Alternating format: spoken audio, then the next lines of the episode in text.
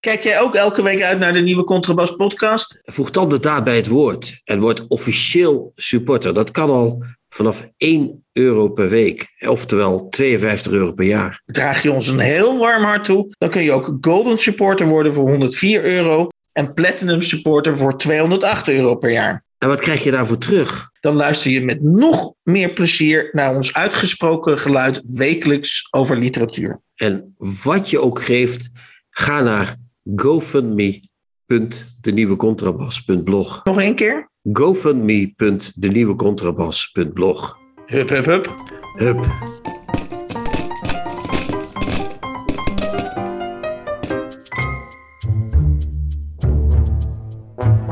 De nieuwe Contrabas. Podcast. Over hedendaagse literatuur en de wereld daaromheen. Met Chrétien Breukers, een elitaire Limburger. En Hans van Willigenburg, zomaar een Zuid-Hollander. Welkom bij de 57ste aflevering van de nieuwe Contrabas podcast. ja, Dat klinkt heel gek hier. eh, het is een bijzondere aflevering vandaag, want we zitten in Nijmegen en niet zomaar in Nijmegen. We zitten bij boekhandel Roelands, omgeven door. Eh, nou, er zijn te weinig stoelen, eh, dus dat is al een hele opge- hoopgevende eh, voorteken. Maar we zitten hier in een, mag ik wel zeggen, eminent literair gezelschap. En toch heb ik de ambitie om er een wat wilde uitzending van te maken. Ondanks dat dat vaak met eminent publiek niet zo goed wil lukken. Meestal wordt het na afloop pas wild. Maar ehm, leuk ehm, desalniettemin proberen we dat proberen we een verrassende en, en, en, en, en ja, eh, onderhoudende uitzending te maken. Chrétien, zeg ik het zo goed? Ja hoor, ik, ik, ik, ben te zenuwachtig om te luisteren. dus Oké, oké, oké, oké, oké. Komen er wel uit. Oké, Eh, ik ga nu iets heel saais doen, even vooraf. Maar dat is dan om de pret daarna des te groter, eh, hoger op te voeren. Er is namelijk een spoorboekje vanmiddag. En dat spoorboekje is als volgt. Ehm, na mijn openingswoord gaat optreden de dichter Elma van Haren. Eh, daarna komen we dus eh, de eerste pitcher. Als ik het goed zie, zijn dat eh, per ronde is dat één pitch. Ik, ik hoop dat we de drie halen. Dat, Dat zou- zich nog bedenkt onderweg. En dat zou, dat, dat zou mooi zijn. Na de eerste pitch krijgen we, of, gaan Chrétien en ik in gesprek met Anton Doutsenberg over zijn eh, samen met Max Niemands geschreven boek eh, Zonder schrammen vaart niemand wel. En dat is een, eh, een boek met een, dat is een briefwisseling tussen Anton en Max Niemands. Max Niemands is trouwens, voor de goede orde, is een pseudoniem.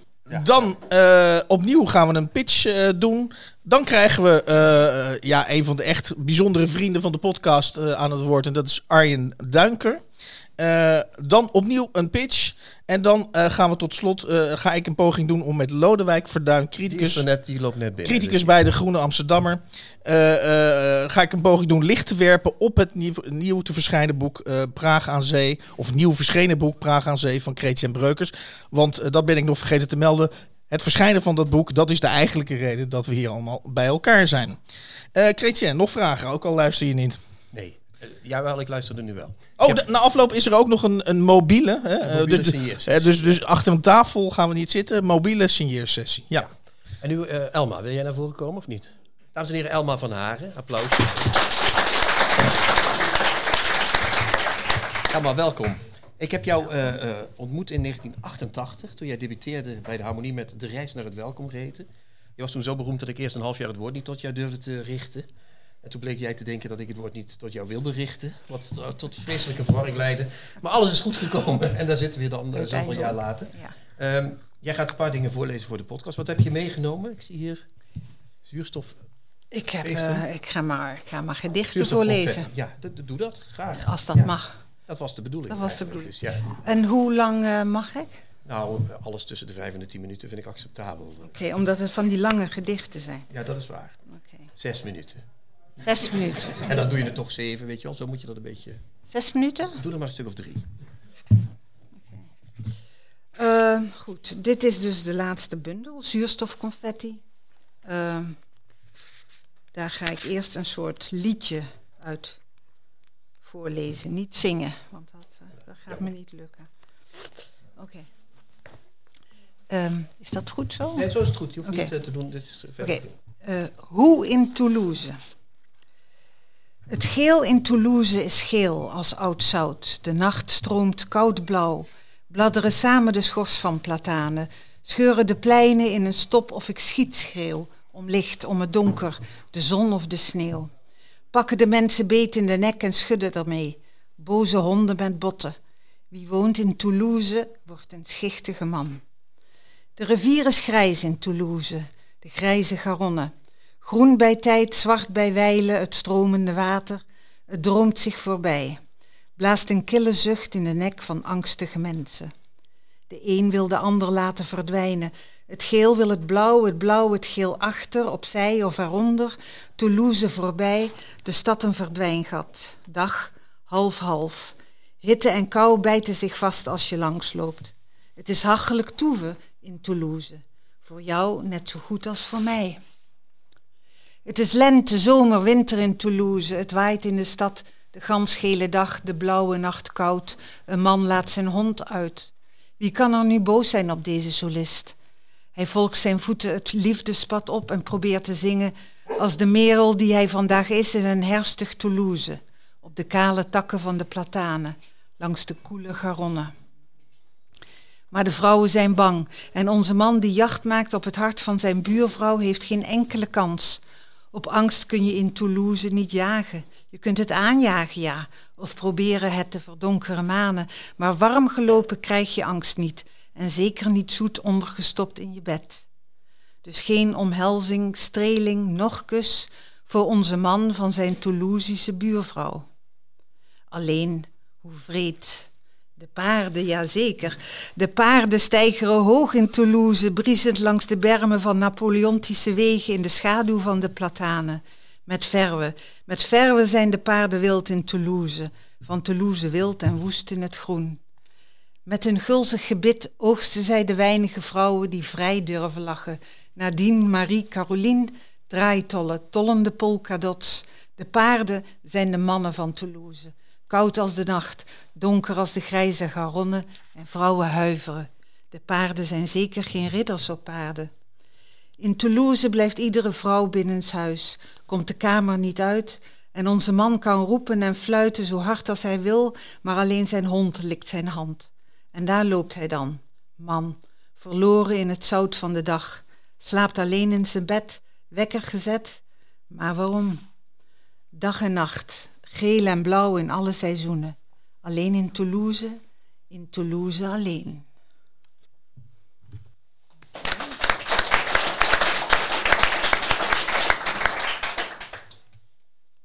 Oké, ehm, nou, het laatste gedicht dan maar. Ja, ik wist niet dat ze zo lang waren. Het zijn drie, maar twee lijkt me ook heel Twee is goed. Ehm. Ik bedoel daar niks negatiefs. Jawel. Hoor. Voordat we weer... eh, Een beetje een ingewikkeld gedicht, maar ik ga het toch doen. Milfleur. Omdat lente is, daarom is dit gedicht er. Handje klap op deze dag in maart. De lente is beklonken. Dat klinkt als een nadeel, als iets om snakkend onderuit te komen. Onder die tere bloesems vandaan, kromme narcissen, onder schel licht tussen de wolken, tulpomania-toeristen, van onder alles wat groeit vanwege dat opzichtig genot om het Hollands getierenlier, terwijl het goddomme nog guur is. Winterse taferelen worden doorkruist, pastelkleurige, luchtige jurkjes. Meertalige lente in woord en gebaar. Zie hoe roze de dooraderde huid daarvan oplicht. Precies daarvan weg zien te komen.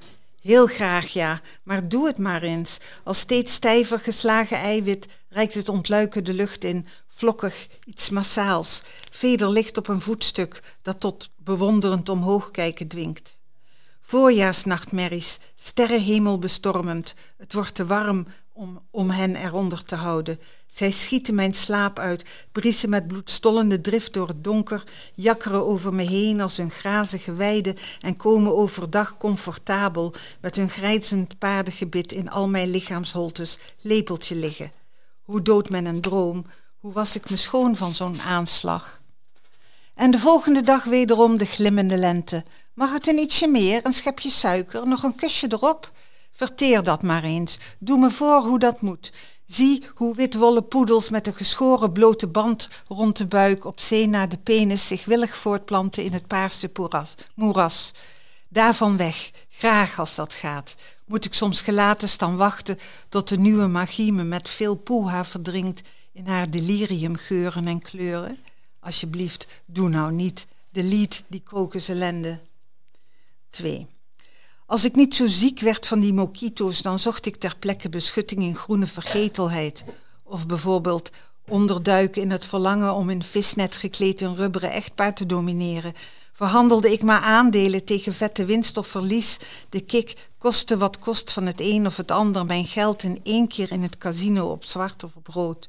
Had ik maar iets dwangmatigs, iets obsessiefs met eten of gokken of koken, kon ik maar, durfde ik maar dat dwaze Egyptische poeder te snuiven, van alles, van alles, van alles, als een wak om in te verdwijnen, als een tik tegen de slaap en wam, zo in coma.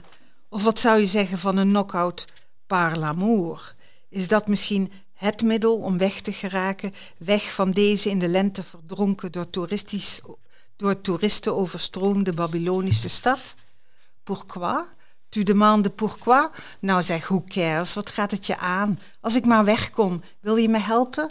In welke taal zal ik naast je? Frans, in het Engels of misschien stevig Duits als een mouw van je jas? Mag ik je nek om voor warmte? Kan ik tegen je leunen, meeslapen op koel glad satijn, waar alle duivelse dromen vanaf zullen glijden? Aiutami, s'il vous plaît, gardez-moi, emportez-moi dessous, let me in. Ik zweer je alleen voor de tijd van die perfide lente-misère tot somewhere in June, bis zu der Zeit, dat alles ruhig. Totdat de zomer, zonder al dit spektakel, haar kalme kanalen heeft laten vertakken en de boot zachtjes naar het zuiden laat varen. Jij, de geduldige roerganger, ik, trosselosgooier. Tot die tijd, biete, acceptez ma présence vertigineuse. Hier, een bos tulips, voor enig plezierig getierenleer, met mille excuses en mille mercies.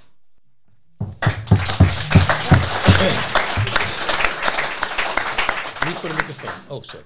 Mocht niet op tafel boven, sorry. Ik deed de tweede kamer. Dankjewel, El. Zeer bedankt. Fantastisch. We wilden iets wilds en we kregen gelijk in dat tweede gedicht uh, iets wilds, tenminste. Ja. Ik zag er wilde aspecten in. Pieter, jij als eerste? Eerste pitch. Ja. Eén minuut. Dat gaat nu in. Ja, nou ja, maar toch heb je maar één minuut. Ja, daar. Jij houdt het bij? Nu begint het. Ik wil graag eh, Lieke Keizer, De Verloren Berg, eh, promoten, pitchen.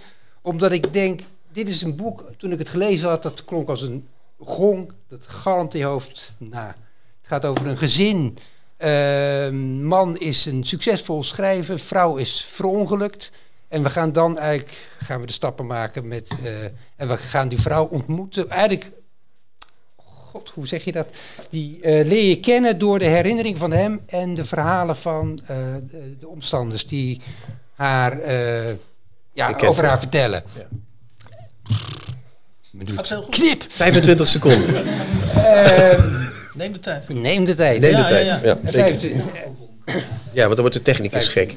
Eh, ehm, hij, de, de man, die vrouw blijkt dan later, ze zijn alle twee schrijver wilden ze zijn. Hij werd succesvol, zij werd niet succesvol na een boek.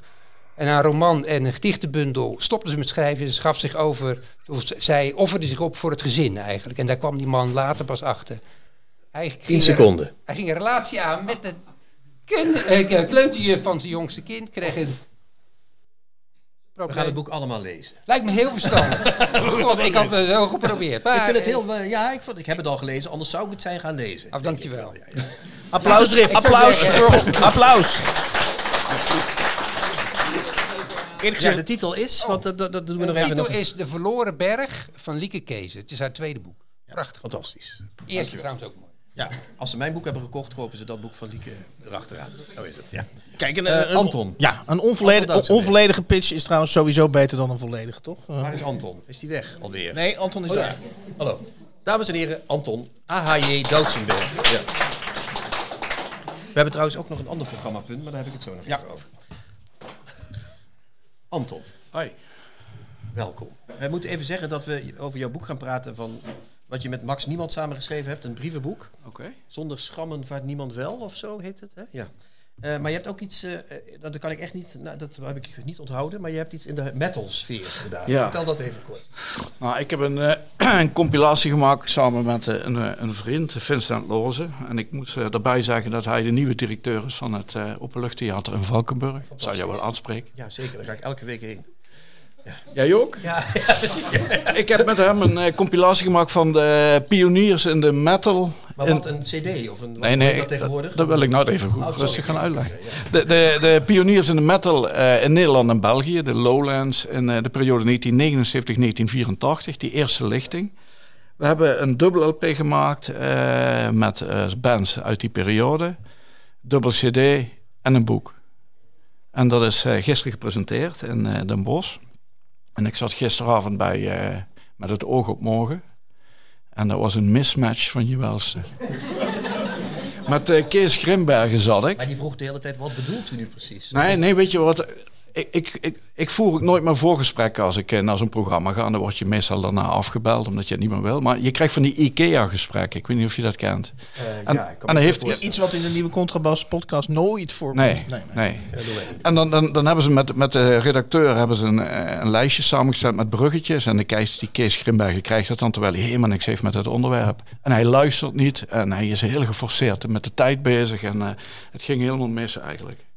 Wat had je Dus dan nu, nu- dit is de herkant, dit is de tweede helft in feite. Ja, dit is, eh, ja, we gaan hier niet zo over, eh, hierover dus je praten. staat toch? eigenlijk nu 5-0 achter, maar na dit optreden sta je 10-5. Nee, ik heb het toch wel gerepareerd. Dus het is uiteindelijk 1-1 geworden. Wat is 1-1? Maar, maar wat is, want ja, ik ben echt totaal metal, daar weet ik helemaal niks van. Wa- wa- waarom moeten wij een compilatie kopen van eh, metal? Nee, dat hoeft, dat, dat, 1979 ah, dat hoeft allemaal niet. Maar eh, dat, dat was een periode waarin eigenlijk de metal in Nederland en België echt voet aan de grond kreeg. Ja, in, in Engeland had je die New Wave of eh, Br- British Heavy Metal met eh, Iron Als boekbeeld Judas Priest.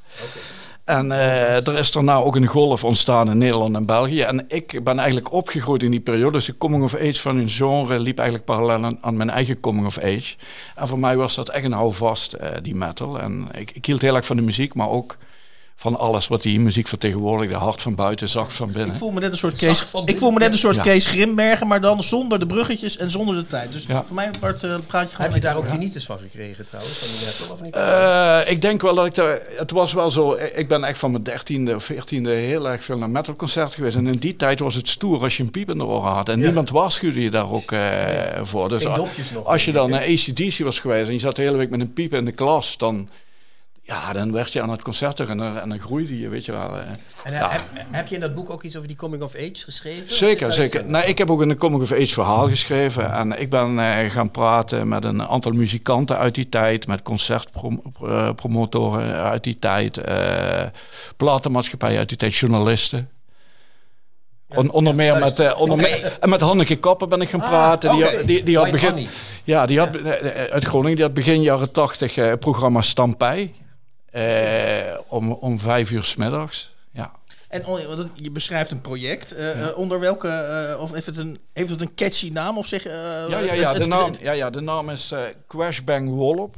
Is heel een- catchy. Ja, is ook, ja, nee, dat, dat, dat moet je nog, Ja. dat, moet je, dat moet je nog even dat is een, herhalen. eh, Dat- dat is een on onomatopee in Engeland voor een, een plotseling, eh, eh, een, een gebeurtenis die zich plotseling aandient. Oké. Ja, Nog- pas, nog- pas boem. En Nog één keer zeggen, want ik vind het wel een mooi woord. Crashbang Wallop. En de, Wallop, ah. Wallop. En de ondertitel is New Wave of Lowlands Heavy Metal. En, en die, die hoofdtitel die verwijst ook naar een eh, nummer van Waven. En dat was een in die tijd eh, invloedrijke band. Wel underground, alles was toen underground, do-it-yourself. En eh, daar willen we ook eh, nog naar verwijzen met die titel. En heb jij nog een voorkeur hoe mensen dat, als ze het willen aanschaffen, hoe ze dat aanschaffen? Online of in de winkel? Maakt je dat niet uit? Ja, ik heb liever dat ze dat in de winkel doen, ja. Oké. En het gaat wel hard. Want we, we hebben, ja, NRC was heel lyrisch. We hebben in een week tijd iets van 12 besprekingen gehad. Dus we hebben is een gelimiteerde oplage van die box van 750. En dat gaat echt wel eh, over twee, drie weken is dat weg. Ik, ik, heb- ik heb nu een vraag over het boek. Oh, was er nog... eh, Sorry. was- Nee, nee, nee. eh, de- dus de boodschap, de onderhuidse boodschap is, wees er snel bij. Ja. Ja, je had het gisteren over een gesprek dat een mismatch, mismatch was tussen Ja. Kees Grimberg en jou. Eh, Ik heb hier een boek voor me liggen. Max Niemands en Ja. H.J. Doutsenberg. Zonder schammen vaart niemand wel. Dat zou je ook wel een soort... Een briefwisseling staat eronder, maar ook een soort mismatch. Ja, niet? zeker, zeker. Wat is er eigenlijk... Wat is er gebeurd? A, dat jullie gingen schrijven. Dat. Max Niemands is ook een schrijver, moet Ja. ik voor de mensen zeggen. Wat oudere schrijver. Die Hij is, hij is niet Groningen 80, woont. hij is 80. ja. ja. En wat is er precies gebeurd dat jullie in, met elkaar in Ja. briefwisseling Ja. kwamen? Dat is één. Zal ik dat dan eerst vertellen? Doe dat maar. Oké. Hij, eh, hij mailde mij. eh, het kwam uit het niets. En eh, ja, eigenlijk, eigenlijk is daar een correspondentie uit ontstaan. Ik reageerde daarop terug. En het, de mails werden langer en langer. En daar kwam bij kijken, dat was begin 2020. En toen eh, kreeg ik corona. Ik, eh, ik ben patiënt min 1. Ongeveer. Dat was echt... Dat was er vroeg bij. ja, maar het werd toen nog niet gediagnosticeerd of, of benoemd als corona, want er werd niet getest. Er was toen echt heel veel paniek. En, ik heb toen 33 dagen in, in, in isolatie gezeten, thuis alleen. En dat was in die periode dat hij mij mailde. En voor mij was het een houvast om een beetje van me af te lullen, zeg maar. eh, op papier. Dat, Dus dat dat vind was, ik was eigenlijk een briljante timing van die Max Niemands om je op dat Ja. moment eh, te benaderen. Nou, dat was in ieder geval. Ik, ik ben altijd. he- Ik, ik hou helemaal niet van mailen. En, en eh, de- zoals jij wellicht weet. Ja, jij mailt niet ja, terug vaak. Nee, ik mail niet terug. Maar, maar hierdoor, hierdoor gebeurde dat dus wel. En op een bepaald moment raakte ik geïntrigeerd door die man. En eh, Dat moet je even uitleggen, want Ja. eh, wat, wat intrigeerde je aan Max Niemands? wat me eh, eigenlijk de kern is dat hij een. eh, een hij mailde mij altijd. Ik kwam het, ma- het mailtje kwam binnen met Jan Hombergen en dan zijn e-mailadres. En hij ondertekende altijd met Max Niemands. Dat, dat, daar, dat was, voor mij is dat de kern eigenlijk van die, van die briefwisseling. Ik wilde eigenlijk achterhalen waarom hij een pseudoniem hanteert en wat dat voor hem betekent. Eh, en, en langzaam is dat er ook echt, is echt goed gethematiseerd in dat boek. En dat was eigenlijk wel een belangrijke eh, trigger voor mij om, om daarin te graven. En ik moet zeggen dat ik het ook wel prettig vond om, eh, om bepaalde thema's ook voor mezelf eens, eens voor te leggen aan iemand. Eh, dat was ook niet bedoeld voor publicatie wat mij betreft. Dat is gaandeweg naar het einde toe pas ontstaan. En de brieven werden langer en langer. eh, soms wel zes, zeven kantjes volgens mij. Of, of langer nog. en er Ja. werd ook bitser en bitser en bitser. Ja. We slaan nu een klein middenstukje over. Van Ik het sla, ja, een stuk over. Ja. Het wordt alsmaar bitser, want jullie op een gegeven moment was het toch een beetje Ja, ik was een paar- niet zo aardig vonden. Maar ik was op een bepaald moment wel klaar met hem. eh. Ja. Hij is... eh, Ja, nou, even, laat, ik laat- ik even, laat ik even met mijn vooroordelen de kern benoemen van waarom ik klaar met hem was.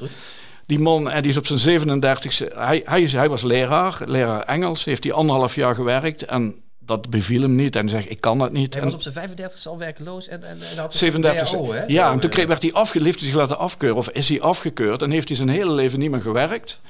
En eh, toen is hij, dat, is hij gaan schrijven, heeft hij een huisje gekocht in eh, Italië, et cetera. En heeft hij dat schrijverschap heeft hij heel erg gecultiveerd. En ik ben iemand die eh, ook, ook geëngageerd is, waar hij ook helemaal niks mee heeft. Maar hij is echt op afstand gaan staan van die samenleving en blijven staan. Maar hij had helemaal geen financiële zorgen, dus Nee. hij kon dat cultiveren. Hij, is ook, hij was daarom ook tegen publiciteit voor boeken. Hij verwijt eigenlijk, ja, hij verwijt dat ik, eh, eh, zeg maar, eh, te zichtbaar ben.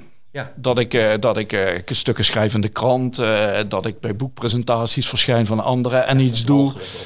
Ja, dat is ook wel gelijk.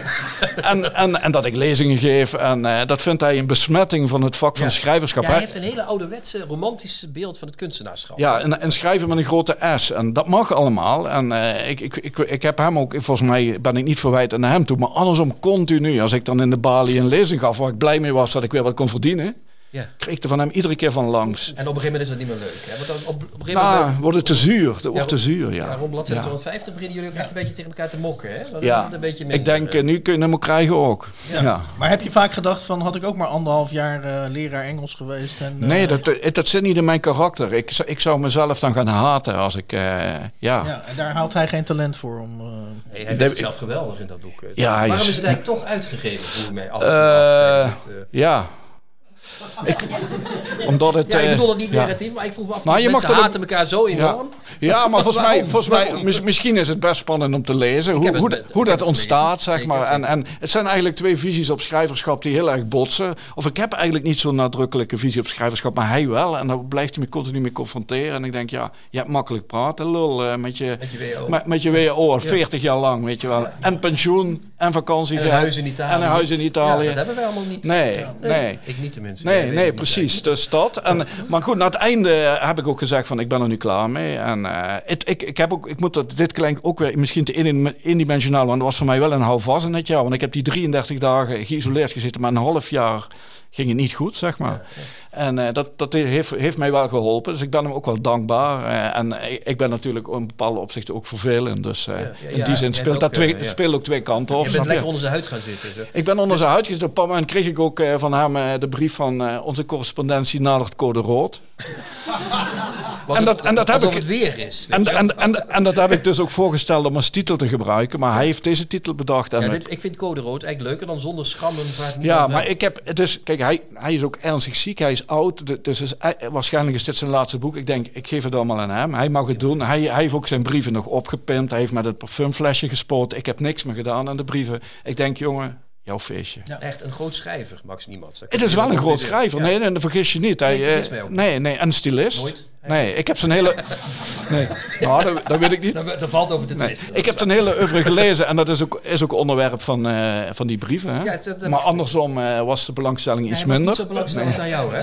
Nee. Hij had eens een keer één boek van jou doorgekeken en toen vond hij het wel welletjes. Met Nou, die, ga- hij ging dan heel erg af op de, op de one-liners die hij op, de, op internet over mij tegenkwam. En dat was dan in beton gegoten, zeg maar. Eh, ja. eh, Wel mooi. Wat een goede aanbeveling voor dit boek eigenlijk. Maar ik zie wel toekomst voor Max Niemands ook buiten de literatuur. Want nu je zo zeg maar zijn economische geschiedenis een beetje door. Denk ik ook dat hij wel goed past als symbool voor sociaal-economische geschiedenis eh, van de afgelopen 40 jaar. De, de Nederlander die zich terugtrekt achter zijn eh, AOW-uitkering. Nou, wat, het was niet AOW, hè, WHO. WO, sorry. En daar sorry, kwam de. AOW nog bij na daarna. Dat waren nog eens tijden. Hij kreeg alle zesde letters. ja. ja. Maar het, het, weet je, het, het is hem helemaal gegund. Maar op een bepaald moment eh, wa- waren er aanvallen. Maar ik denk, ik weet het nu wel, eh, Max. Want ik moet mijn geld verdienen. En, eh, en eh, ik wil wel af en toe, eh, als ik een boek heb uitgegeven, dat het verkoopt. Maar Ja, het is dus- ook een daad van gulheid dat je, dat je zeg maar. Het is zijn laatste boek, dus jij Maar dacht ik ga dat niet blokkeren. De, Nee, ik maar, gun hem, ik gun nee, hem maar dat, dat, briefwisseling. dat, daar ga ik zo boven hem staan. Dat is, ik wil naast hem blijven staan. Maar het, is, eh, het, speel, het speelde wel mee dat ik, dat ik denk... Je, kijk, normaal gesproken als je, als je een briefwisseling daarna gaat redigeren... Hè, met, en, en, ik hou er helemaal niet van. Want ik heb gereageerd op die brieven die ik gekregen heb. Maar ik heb toen met de hand over mijn hart gestreken. En, ik, ja, dat zijn... Ja, dat is zo. Ja, dus eigenlijk kun je zeggen dat jouw boek... eh, Hij doet zo, hij doet zo. Ja, ja, we gaan afronden. Van, ja, dat zei je, hè? Ja. Dat- Meestal doet hij zo, Ja. maar nu doet hij... Ja. Maar die, die eh, hoe heet het? Ehm, dus mensen die iets van jou willen weten, die kunnen nu of kopen die de compilatie, dan zeg jij de titel nog een keer. De, de Crash Bang Wallop. Die kunnen dat kopen, dan weten ze iets over je jeugd. En dan zien ze over je Ah, coronatijd. en vooral over metal. En over metal. En als ze iets over je jeugd willen weten, of over je latere leven, over je coronabesmetting in die periode willen weten. Nou, ik heb er niet zo heel veel over geschreven hoor. Het was meer eh, dat het voor mij een houvast was om er even niet aan te denken of zo. Hè, dat. Maar goed, als ze daar iets over willen weten, dan kopen ze het prachtige boek van de grote schrijver Max Niemands en A.H.J. Kijk, en in de Nederlandse Twee literatuur... visies op een Ik schrijverschap. moet nog even ja. de titel zo noemen, maar zeg Ja, het even. in de ja. Nederlandse lit- literatuur is eigenlijk helemaal geen traditie eh, in de, e- in de epi- epistolaire literatuur. Ik lees die Nou. heel erg graag, maar niet echt veel. Nee? Ja, Lik, wat is er dan op dit Nou, moment? Brouwers had je vroeger. Ja, vroeger, vroeger, maar contemporain niks. Oh, oké. Ja. met mensen mailen ook meer. Ja. Ik heb aan de hand van een interview met Rob van Essen onlangs begrepen dat, eh, dat de schrijvers tegenwoordig zo druk zijn met hun carrière dat ze helemaal geen, eh, geen, geen tijd meer hebben om brieven te schrijven. En ook, eh, nou ja, in ieder, geval, niet. in, ieder geval geen, in ieder geval geen tijd hebben, als ik me dat goed herinner, om ruzie met elkaar te maken eh, en, Nee, maar- en, en, en een polemiek te voeren. Dat geldt alleen maar voor de succesvolle schrijvers. Die hebben geen tijd. Oké, maar die, die mensen dus die geïnteresseerd zijn in, in de AHJ Doutsenberg van nu, die kopen zonder schrammen vaart niemand wel. Uitgegeven bij de Kleine Uil. Ja, Ja. dat kan. Dat kan En ja. daar zijn we er. Daar zijn Nu we er. We zijn rond. Ja, mooie bruggetjes ook. Daar kan Kees Grimbergen nog wat van leren. hè? Ik hoop niet dat ik je een Kees Grimberg heb, maar dat zal wel Nee, nee, nee. En ik jou ook niet. Nee, nee, nee, jij bent zeker. Oké. Dankjewel.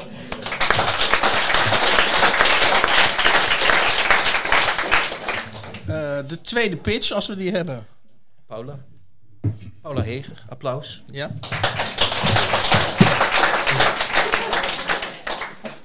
Oh, ik krijg ook een minuut, hè? Ja. Oké.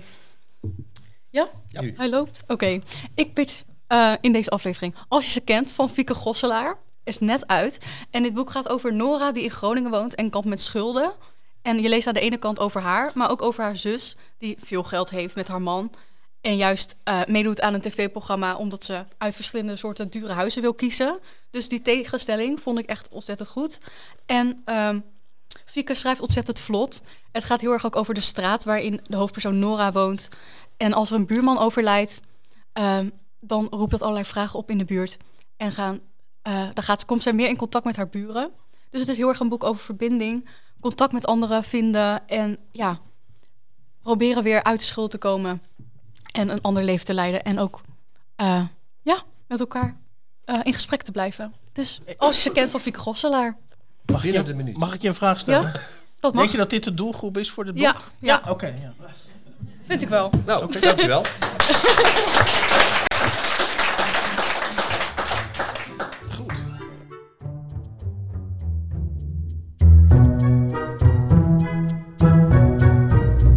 De nieuwe Contrabas. Podcast. Eh, dan gaan we nu eh, eh, naar eh, eh, de dichter die ik eh, vanuit Delft naar Nijmegen heb mogen rijden. De door mij bewonderde Arjen Duinker.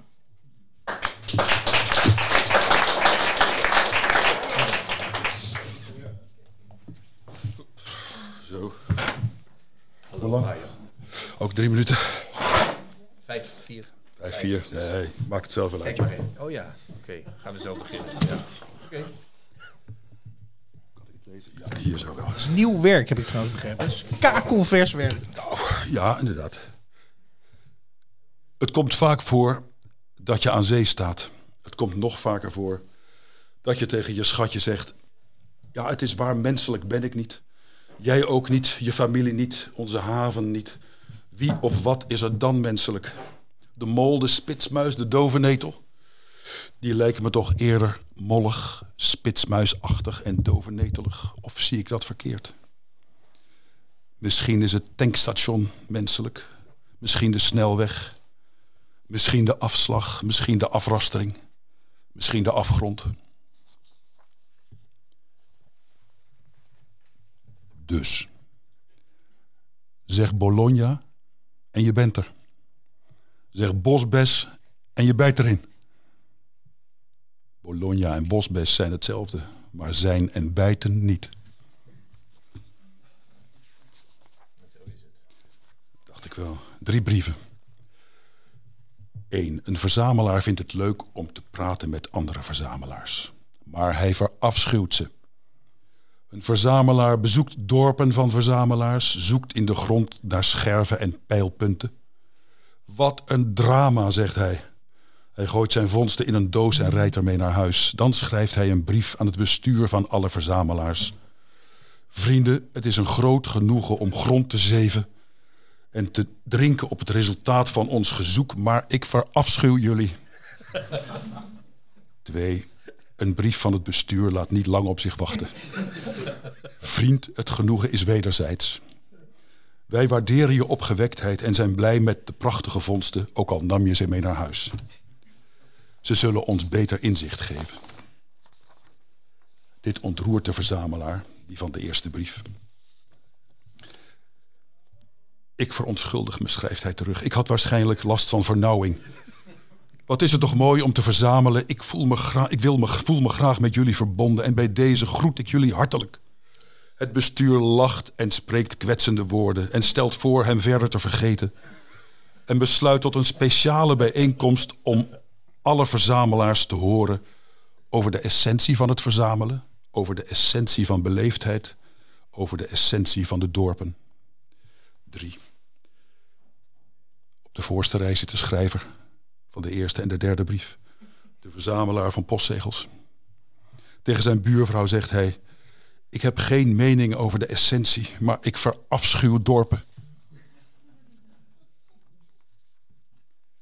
Vijf kenmerken van de verzamelaar. De verzamelaar trekt van stad naar stad en belt bij iedereen aan om te vertellen dat hij onderweg is. De verzamelaar koopt huizen, schrijft rapporten en trekt verder naar de volgende stad. De verzamelaar slaapt onderweg in de open lucht, want die bevindt zich boven een huis dat door de verzamelaar is gekocht. De verzamelaar ontwerpt een fles voor een nieuw parfum dat stad na stad, uur na uur hemels laat ruiken. De verzamelaar begint restaurant Een vrouw bij de tram, zodra hij er zeker van is dat hij bij iedereen heeft aangebeld. Eentje, korte, machtig. Aanmoediging. Ik voel iets onbekends in mij opkomen. Iets dat ik wel ken, maar niet in mij. Het is de wens om te zeggen: veel geluk, aardappel.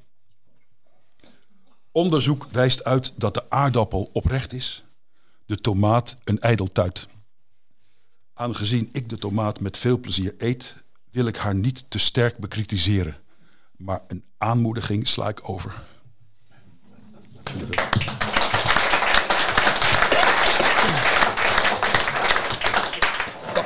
Goed, hebben we nog een, eh, een derde pitch of gaan we gelijk over naar het volgende? Deze zijn zo bescheiden dat ze allemaal hun boeken thuis pitchen. Oké. Maar we hebben wel, nee, we hebben nu dus programmapunt Rob van Essen. Oké. Ja, Rob van Essen gaat een gedicht voorlezen, toch of niet? Dames en heren, Rob, van Essen.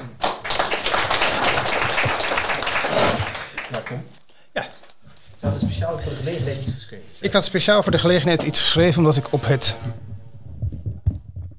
laatste moment eh, doorkreeg dat ik hier toch bij kon zijn. Ja, wat fijn. Dus ja, fijn om eh, je nieuwe roman ook te vieren. Dank je. Dus ik heb een, een, een verbindend gedicht geschreven over hoe alles in de Republiek der Letteren met elkaar resoneert. Ik voel een thema aankomen van de Zeker.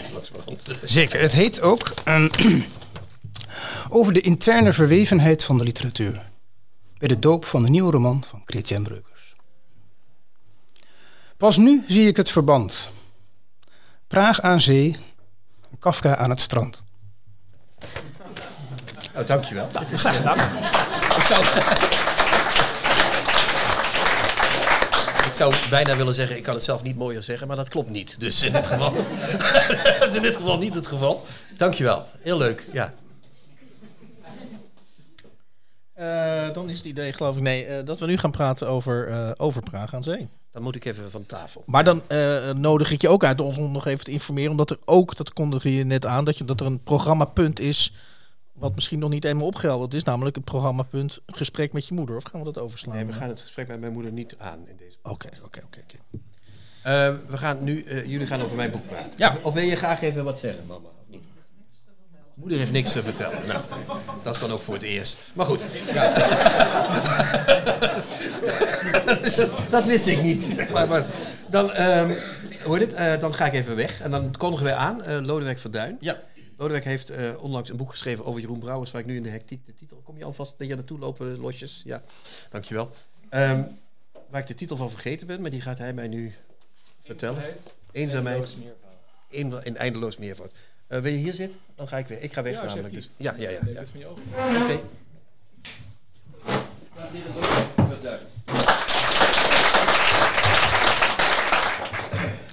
Eh, welkom.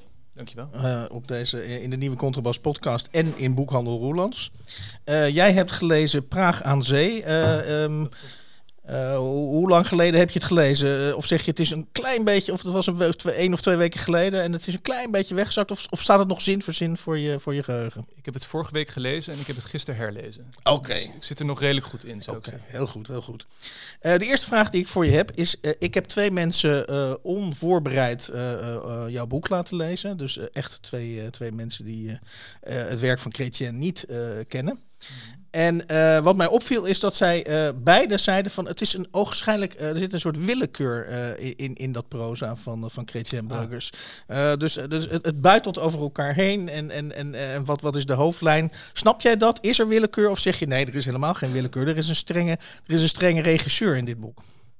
Die willekeur, dat, daar kun je misschien aan denken omdat de vorm van de tekst dat uitstraalt. Dus voor iedereen die het boek niet in heeft gezien, om er toch iets bij voor te stellen, het bestaat uit allemaal kleine eh, paragrafen, witregels ertussen. En niet, eh, het verhaal eh, springt ook met die witregels vaak heen en weer. Dus het is niet een, dat het op één punt in de tijd begint en dat het chronologisch verder gaat. Nee, er wordt door de tijd en door perspectieven eigenlijk gesprongen van per pagina, per regel eigenlijk bijna.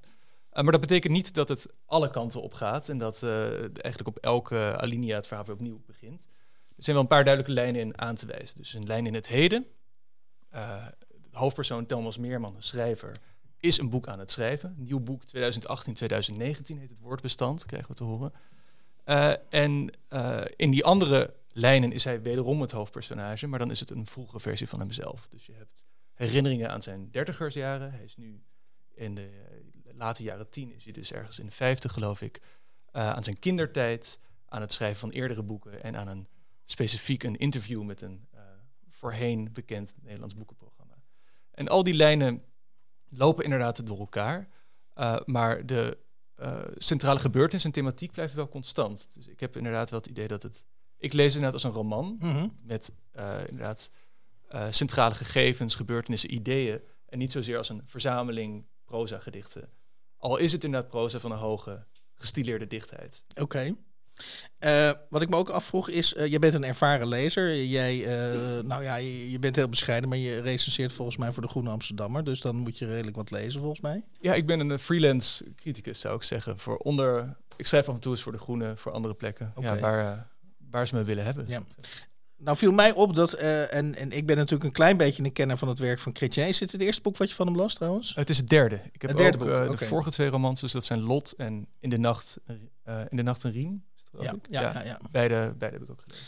Um, wat, wat mij altijd, of tenminste het, het, het, het, fijne gevoel wat mij altijd bekruipt, maar goed, op het gevaar of dat ik nu ga slijmen bij mijn podcastgenoot, is dat als ik Christian Breukers lees, dat ik, uh, dat ik denk van, ik, ik, ik herken, uh, vaak denk ik heel snel, oh, dat lijkt een beetje daarop, oh, dat heeft een verbinding daarmee. En uh, bij, bij, ook bij dit boek had ik zoiets van, dit, dit is echt iets wat ik niet 1, 2, 3 kan plaatsen of kan vergelijken. Nee, onvergelijkbaar. Ja, nou ja, dat klinkt gelijk zo. Uh, hè? Ja, ja, ja, ja. Dat, dat, dat, laat. Kan, ze, kan achter op de tweede druk. Hè? Ja. ja. Had jij dat, had jij dat, heb jij, had jij dat ook? Of, of, zie jij, of zie jij zijn inspiratiebronnen, zie jij zijn, uh, et cetera, et cetera? Ja, curieus dat je het zegt. Ik, ik denk dat uh, ik dat eigen wat je noemt, je zegt dat over elkaar heen buitelende, dat uh -huh. zie ik wel. En uh, inderdaad, die vorm die dit boek heeft, met die tijdlijnen die door, door elkaar lopen en uh, korte, geconcentreerde brokken proza, die eigenlijk op zichzelf, vaak ook op zichzelf staan, maar ook een geheel vormen. Mhm. Dat is zeker eigen te noemen. Hoewel het vreemde is juist dat ik ook uh, dingen erin opmerkte die ik wel aan iets anders kon verbinden. En één daarvan zou ongetwijfeld te maken van doen hebben met mijn eigen lens. En dus inderdaad, ik heb dat boek over Jeroen Brouwers geschreven en daarvoor uh, alles uh, gelezen, herlezen, ook veel, sommige boeken meermaals. Uh, en het kan zijn dat ik daarom ook sporen van Brouwers bij Breukers tegenkom. Kijk, de auteur is in de zaal, dus we kunnen het even. En dat, dat soort dingen. Ja, ja. De, de, auteur houdt zich liever afzijdig. Ja, ja, ja. ja, ja um, in, in, wel, in wel, van welk aspect zei je dat lijkt op Brouwers? Dat deed me aan Brouwers denken. Bij welke. Ik, ik kan je zelfs een passage voorlezen. Ja, als dat dat willen. graag. Ja. Toevallig ook een van mijn favoriete passages uit nou, het boek. Dus uh, dan kunnen we het eens bekijken. Zullen we daarmee beginnen? Ja, ja, ja, heel graag, okay. heel graag.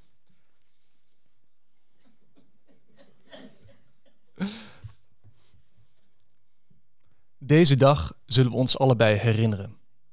Het is wat, wat ons leven betreft de herfst, waarin we nog onbekommerd kunnen drinken en eten waarin onze lichamen gehoorzamen als we iets willen. De storm van de jeugd is geluwd. We kennen de grens en we zoeken haar op zonder haar te overschrijden. We kunnen de precieze hoeveelheid pijn van elkaar verdragen. We zijn zelfbewust en in staat om ons weg te geven. Dit is brood en wijn en een offer dat nergens ontaart in zelfvernietiging. Zelfverlies is de grens en zelfverlies wordt door niemand misbruikt. Kijk, we bloeien. We staan aan de rand van Praag, voorgoed en voor het laatst in bloei. Voordat die voorbij is, wil ik Vera Oostende laten zien. Dit is inderdaad zo'n lyrische, uh, uh, ja, dichte passage, die voor mij uh, die echt uit het boek springen en mij bijblijven. En dit is misschien een specifiek deta detail, want ik geloof dat het um, de, de Testamenten is van Jeroen Brouwers, dat ook dat beeld van bloeien en uh, in zijn, zijn autobiografische werk zegt hij ook, ik ben ergens op de helft, eh, de helft van de weg van mijn leven. Ik, ik bloei met de bersten, ik sta nu in bloei. En dat in bloei staan en dat idee van dus de herfst van een leven bereiken of dat eh, afmeten van die levensweg, dat zie ik bij beide terug. En ook dat geladen, eh, hier opnieuw met een soort eh, brood en wijn, met dus een soort christelijk-katholieke eh, beeld daarbij geladen. Dat zie ik wel als een overeenkomst van beide. En een helemaal een verrassing is dat niet, want toen ik jullie sprak, eh, merkte ik ook dat uh, Chrétien Breukers wel degelijk affiniteit heeft met het werk van Brouwers, zoals het vroege werk. Dus dat is geen raadsel. Maar een andere die ik wel jullie graag voorleg, want misschien is dat een particuliere lezing, dat je iedereen leest met zijn eigen boekenkast en eigen studie of levenswandel. Uh, maar ik vond vooral die beschrijving van dat interview bij VPRO Boeken, uh, dus inderdaad met Mignon, waarin duidelijk Carolina Logalbo te herkennen is. Overigens een interview dat in een andere vorm ook heeft voorgekomen. Het gaat, het, het, het we kunnen het allemaal nakijken als we ja, willen. Hè? Dus als we getriggerd zijn, kunnen we allemaal op Ja. YouTube dat gesprek... Er, is, er, er schijnt een interview te bestaan van Christian Brekers over En in de Nacht een Riem bij VPRO Boeken. Hier wordt Thomas Meerman bij het programma, VPRO Boeken geïnterviewd over En in de Nacht een Riem. En dat is een prachtig stuk, vind ik. Maar het deed me meteen denken aan een roman van uh, Een Diadeem van Douw, heet het. Een roman van Arie Storm. Mhm. -huh. Waarin eveneens een uitgebreide beschrijving zit van een interview bij VPRO Boeken. Okay. Dan met Wim Brands. En uh, dat is, nou, dit, dit, ik bedoel, dat, dat kan puur toevallig zijn. Mhm. Er zijn veel schrijvers die daar geïnterviewd worden. Uh, vast een merkwaardig genoeg ervaring om erbij te betrekken. Ja. Maar het is in ieder geval een opmerkelijke overeenkomst. Twee schrijvers van uh, essayistische autofictie, Mhm. die beide precies dat moment van contact en dat moment van gefilmd worden en het moment van um, ja, ook, ook, een beetje presentatie van het zelf en een vervreemding van ja. dat zelf okay. uh, als kern van, van zo'n scène. Dat vond ik opmerkelijk. Oké. Okay, dus uh, ik heb, ik heb ja? inderdaad het antwoord in één ja? is ja? op uh, scène en detailniveau zag ik inderdaad overeenkomsten, maar qua opzet en qua stijl uh, denk ik dat het zijn eigen plek inneemt. Ja. Zeker binnen Ik hou ervan om een beetje over het boek heen te scheren. Want uh, als ik vragen aan jou stel, ja, wat is het centrale thema? Dat, dat zijn van die vragen, daar, daar hou ik zelf niet van. Nee. Uh, wat, wat, ik, wat ik zelf, wat, ik, wat, ik, wat mezelf heel erg opviel, en ik ben heel benieuwd, en dat bedoel ik niet omdat wij con concurrerende lezers zijn, maar ik was zelf heel benieuwd hoe jij die verwijzing in het begin van het boek naar Netflix ja. zag. want dat vond, op een gegeven moment zit de hoofdpersoon in, in, in, in het vliegtuig en, en dan kijkt hij naar beneden en dan beschrijft hij de wereld als een, ja, als een ogenschijnlijk. En daarom sloeg ik aan op dat willekeur van die lezers. Van, wij zijn allemaal krioelende mensen daar diep, diep beneden. Um, uh, en dat verklaart misschien ook waarom. Uh, tenminste, ik zag daarin dat hij ook een. Uh, want er is hem in een vorige recensie verweten dat Chrétien geen scènes schrijft. Ah, ja. Schrijft hij trouwens scènes, vind jij? Er zit uh, die scène in het vliegtuig waarin er gesproken wordt met een globetrotter. Dat vind ik een scène. Er wordt, ja. ook, er wordt trouwens ook wel echt aangekondigd als hier komt een scène. Ja, dus ja dat is, precies. Uh, dus, dat moeten we. Maar dat dus is volgens mij. Ja, precies. Dus er is een scène afgeleverd. Ja. Op bestelling. Ja. Maar uh, zag je in de, in de manier waarop de roman is opgebouwd, zag je daar een commentaar of een verwerking of een, of een omgaan met, met een serie als Netflix uh, in? Of zeg je van nu. nu, nu, nu ja, Hans, ik moet je misschien teleurstellen, ja? want ik heb, ik heb nog nooit een Netflix original gekeken. Dus okay. ik weet niet hoe dat. Ik weet, ik weet niet hoe, die, uh, hoe dat in zijn werk gaat. Oké. Okay. En dit is niet uh, koket bedoeld. Nee, nee, nee. nee uh, maar wat ik wel kan zeggen als we het over, ja? over verwijzingen en film moeten hebben. Het boek heeft een motto uit, van Knights of Night of Cups, volgens mij van Terrence ja. Malick. En daar wordt ook naar verwezen, naar de filmstijl van Malick. En ik weet, heb je zo? Ja, die ken ik, ja. Days of Heaven is toevallig een van mijn favoriete films. En ook dat heeft dus wel een verhaallijn die wel verbrokkeld is en, en uh, via voice-over en dialoog alles door elkaar een beetje wordt meegedragen. En vooral inderdaad via geladen beelden wordt overgebracht.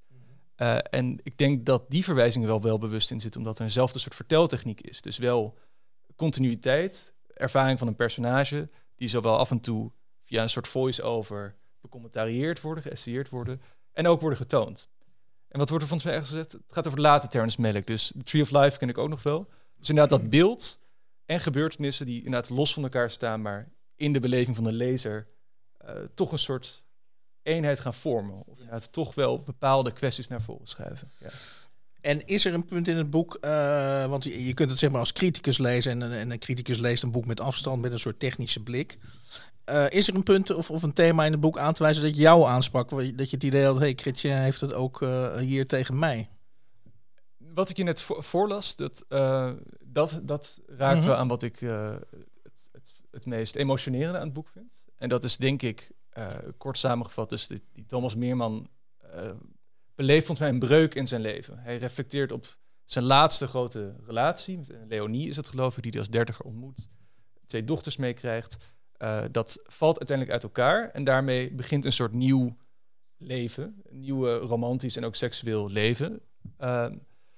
En dat gaat samen met dus een, een soort, nou ja, een coming of age wil je het niet helemaal noemen, maar hij noemt het zelf, eh, het personage zelf eh, denkt, is bang dat iemand het midlife zou noemen. Ja. Maar er is wel een omgang met dus een, het, het eh, zowel het ouder worden, het verder komen in het leven en daarmee dus nieuwe vormen van leven ontdekken en omarmen. Dus in, dat, in die herfst nog steeds bloeien. Dat vind ik een, het vitalistische van spreekt mij zeker aan. Eh, en daarnaast, en het stilistische wat ik noemde, maar daarnaast ook het beeldende. Dus er zit één beeld in, specifiek in een van de gecursiveerde passages, waarvan het steeds onduidelijk is of het dromen, visioenen, eh um, gedachtenspinsels zijn, wat ook. Er is een beeld waarop de Thomas Meerman met zijn twee dochters, geloof ik, over het strand van de Oostende loopt en waar er een ritueel gaande is. Volgens mij een soort doop, moet ik ons voorstellen, waar ze doorheen lopen en wat op dat moment bevriest, waar ze er ongedeerd doorheen kunnen bewegen en waarna het zich weer hervat. Zo'n soort sereen moment, die sereniteit en die, die helderheid van waarneming ervan spreekt me ook. Ja. Prachtig, prachtig. Eh, dan kom ik wat mij betreft bij de slotvraag. En dat is, eh, ehm, eh, jij bent criticus. Ik weet niet of de Groene ook met, met ballen werkt. Is eigenlijk, Nee, op deze vraag is eigenlijk maar, op deze vraag is eigenlijk maar één antwoord goed. Hè? De- de- ik wou namelijk aan jou vragen, hoeveel, hoeveel ballen krijgt dit, Oh. krijgt dit boek? En gelukkig, voor de groene heb ik nooit ballen hoeven geven. En ik heb gelukkig eh, tot nu toe, kan ik trouw blijven aan het principe dat ik nooit een stuk zou schrijven met ballen erop of eronder. Oké, dus, dus je gaat ook niet voor, voor deze gelegenheid even afscheid nemen van je... eh, Van je nee, Chrétien Nee, schudt ik- heel ik- hard ik, nee. nee, dus- ik, ik blijf en trouw aan mijn principes. En Heel ik hoop goed. dat eh, wat ik daarvoor zei voor zich zal spreken. Lijkt me wel. Dankjewel, Lodewijk Verdaan. Met genoegen. Hans, dit is einde podcast, toch? Niet? Sorry? Einde hopen dat u heeft genoten van de 57e aflevering van de nieuwe Contrabas podcast. Eh, het was een stemmiger aflevering dan we ooit eh, gehad hebben, volgens mij. In ieder geval bevolkt door eh, en bijgewoond door meerdere mensen dan we ooit gewend waren. Bent u geïnteresseerd naar aanleiding van het prachtige verhaal van Lodewijk Verduin in het boek van Chrétien Breukers, Praag aan Zee? Het is verschenen bij uitgeverij Vleugels. En ik hoef niet, ik vergeet altijd de vertaler te melden, maar dat hoeft in dit geval niet. Dus het is verschenen bij eh uitgever Vleugels, zoals ik al zei, in 2022. Kijk jij ook elke week uit naar de nieuwe Contrabas podcast? Voeg dan de daad bij het woord en word officieel supporter. Dat kan al vanaf 1 euro per week, oftewel 52 euro per jaar. Draag je ons een heel warm hart toe, dan kun je ook Golden Supporter worden voor 104 euro en Platinum Supporter voor 208 euro per jaar. En wat krijg je daarvoor terug? Dan luister je met nog meer plezier naar ons uitgesproken geluid wekelijks over literatuur. En wat je ook geeft, ga naar gofundme.denieuwecontrabas.blog. Nog één keer? gofundme.denieuwecontrabas.blog. Hup, hup, hup. Hup.